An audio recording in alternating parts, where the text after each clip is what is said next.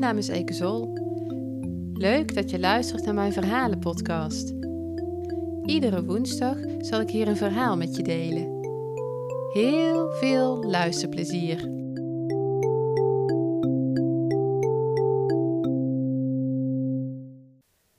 Een bijzondere fietstocht. Ik heb een tijdje de gewoonte gehad om in mijn eentje lange fietstochten te maken. Ik woon in Noord-Brabant. Ik denk dat je dat al wel hebt kunnen horen aan mijn zachte G.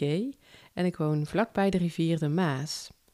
Als ik vanuit mijn woonplaats vertrek, bevind ik mij binnen een half uur in een idyllische wereld met schattige dijkhuisjes, ooievaarsnesten die boven het landschap uitsteken en de Maas die vriendelijk tussen de weilanden doorkabbelt.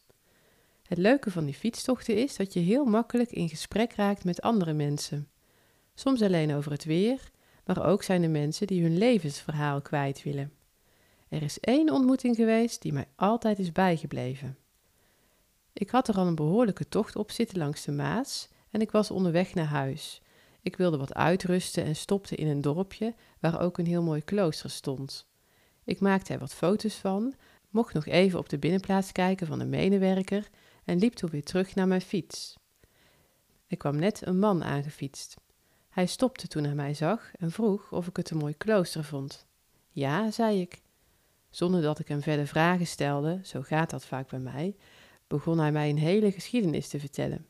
Eerst over het klooster, maar al snel ging het over het gebied rondom het dorp, over de vele overstromingen die er geweest waren. Ik schaamde mij een beetje, omdat ik mij nog nooit in deze geschiedenis had verdiept. Die vriendelijk kabbelende rivier had dus ook een duister karakter. Het was heel interessant. In mijn achterhoofd maakte ik er een notitie van dat hier wel eens een verhaal in kon zitten. Soms heb je van die dagen dat het lijkt alsof je zelf in een verhaal bent beland.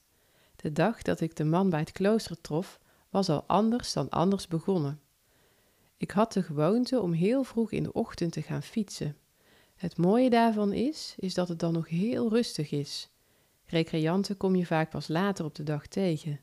Zo vroeg in de ochtend, als de zon net op is en er veel vogels te zien en te horen zijn, ja, dat is zo mooi. Dat is voor mij echt het mooiste moment van de dag. Maar de zon was er niet die dag. Er hing een dikke mist. Moest ik eigenlijk wel gaan fietsen over verlaten wegen waar er vaak 60 gereden mag worden. Ik heb het toch gedaan en ik heb er geen spijt van gekregen. Nog altijd denk ik wel eens terug aan die fietstocht in de mist. Het landschap was adembenemend mooi. Ik heb er veel foto's van gemaakt.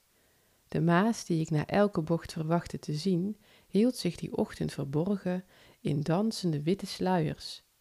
Bijna dacht ik dat ik verdwaald was geraakt. Gelukkig kwam ik steeds weer herkenningspunten tegen, waardoor ik wist dat ik op de goede weg zat. Een rivier die verdwijnt in de mist, een verhaal over overstromingen, dat waren sterke ingrediënten voor een verhaal. In die tijd schreef ik nog geen verhalen, maar ik maakte altijd wel foto's en aantekeningen voor later, als het er eindelijk een keer van ging komen. Ik heb altijd aan een soort spookverhaal gedacht. Misschien wel iets met een weerwolf. Ik vind weerwolfverhalen namelijk heel erg leuk om te lezen, of films over weerwolven vind ik vaak ook erg vermakelijk. Maar toen ik drie jaar later aan het verhaal begon, durfde ik me niet zo goed op dat terrein te begeven. Ook al ben ik dol op mysterieuze verhalen en maakt het mij als lezer niet uit als de grens naar een fantasiewereld overschreden wordt, om nou zelf over die grens heen te gaan, dat vind ik moeilijk. Dus helaas, geen weerwolfverhaal. Ik heb nog even gedacht aan een legende uit de streek. Ik ben er zelfs voor naar het stadsarchief gegaan, maar ook daar werd ik ja, niet veel wijzer. Maar wel vond ik een interessant boek over de overstromingen in het Maasland. En toen ik daarin de term waterwolf tegenkwam, ja, toen werd ik helemaal enthousiast. Had ik toch nog een wolf in mijn verhaal. Terwijl ik dit nu vertel, ben ik al een tijdje bezig met verhalen die voorzichtig over de grens naar de fantasiewereld gaan. Ik durf het eindelijk aan. Maar hoe ver ik mij op dat gebied wil begeven, weet ik nog niet. Ik vind het zelf bijzonder om te merken dat wat ik graag lees, niet altijd iets is wat ik ook graag wil schrijven. En daarin valt nog zoveel te ontdekken en dat is ook zo leuk. Eigenlijk tast ik nog in het rond in de mist die de grens tussen de bestaande wereld en een andere wereld doet vervagen. Waar zal ik uitkomen? Bedankt voor het luisteren. Volgende week kun je luisteren naar een nieuw verhaal. Zou je me willen helpen om deze podcast te laten groeien? Laat dan een review achter. Alvast heel erg bedankt. Wil je meer verhalen van mij lezen? Bezoek dan mijn website ekezol.nl. Als je op de hoogte wilt blijven van iedere nieuwe aflevering, abonneer je dan op deze podcast. Dat zou ik erg leuk vinden. Vind je deze podcast leuk en ken je iemand die het ook interessant zou vinden?